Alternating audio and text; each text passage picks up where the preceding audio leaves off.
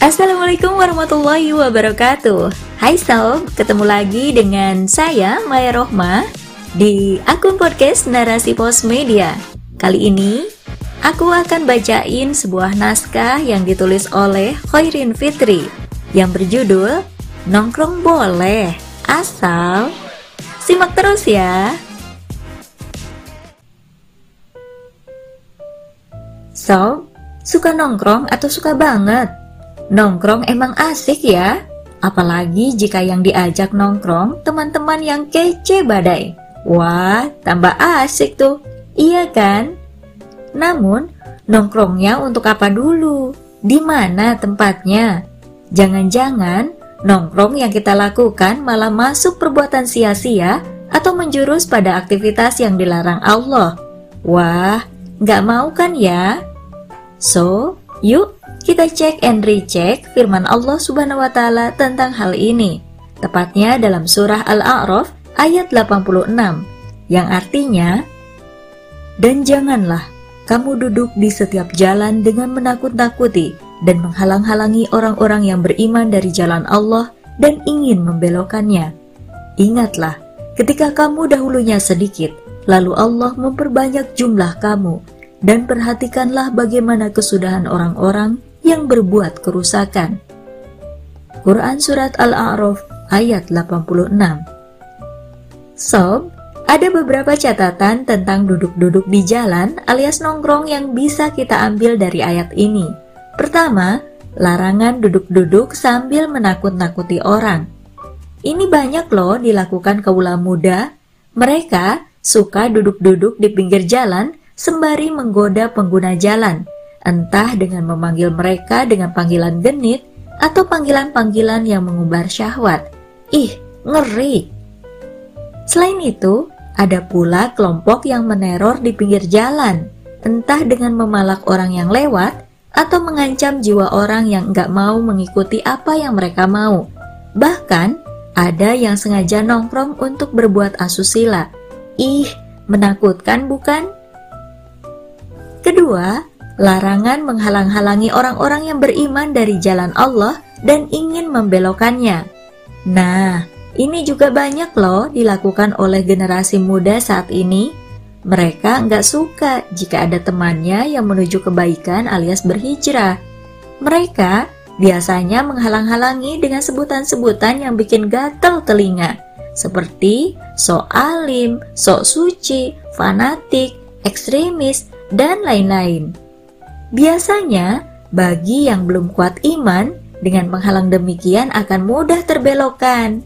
Ia bisa jadi nggak melanjutkan kembali jalan kebenaran yang sudah ia ambil. Sedangkan yang imannya cukup kuat, insya Allah nggak bakal terpengaruh dengan bujuk rayu teman-temannya yang suka ngajakin maksiat.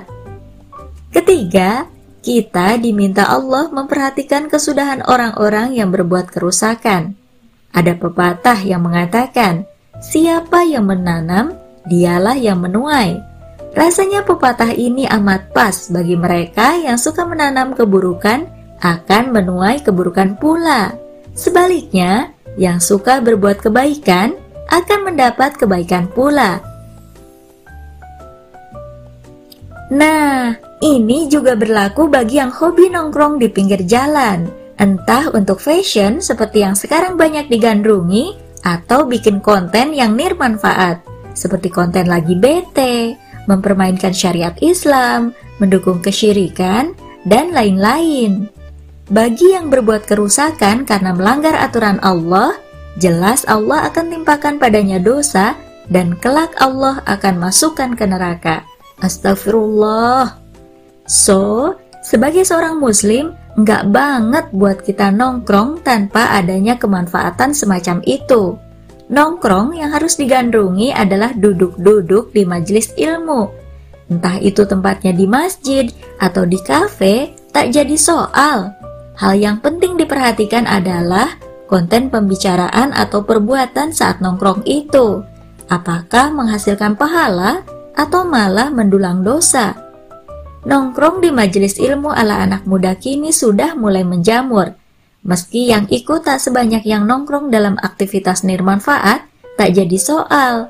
harus terus diapresiasi agar gelombang kebaikan terus menyasar generasi muda yang nantinya akan membawa arah masa depan bangsa ini.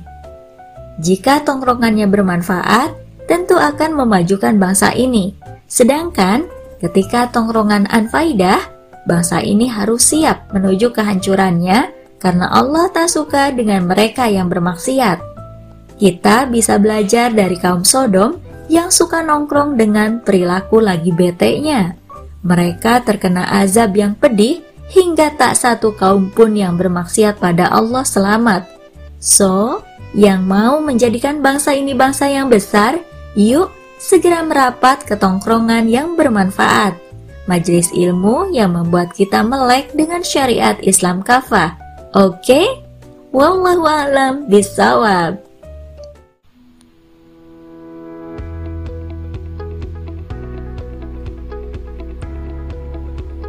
Iya, sahabat narasi pos media, tetap semangat buat kamu di sana yang sedang berjuang, berjuang dalam hal apa pun itu. Semangat terus, jangan lupa berdoa dan jaga kesehatan.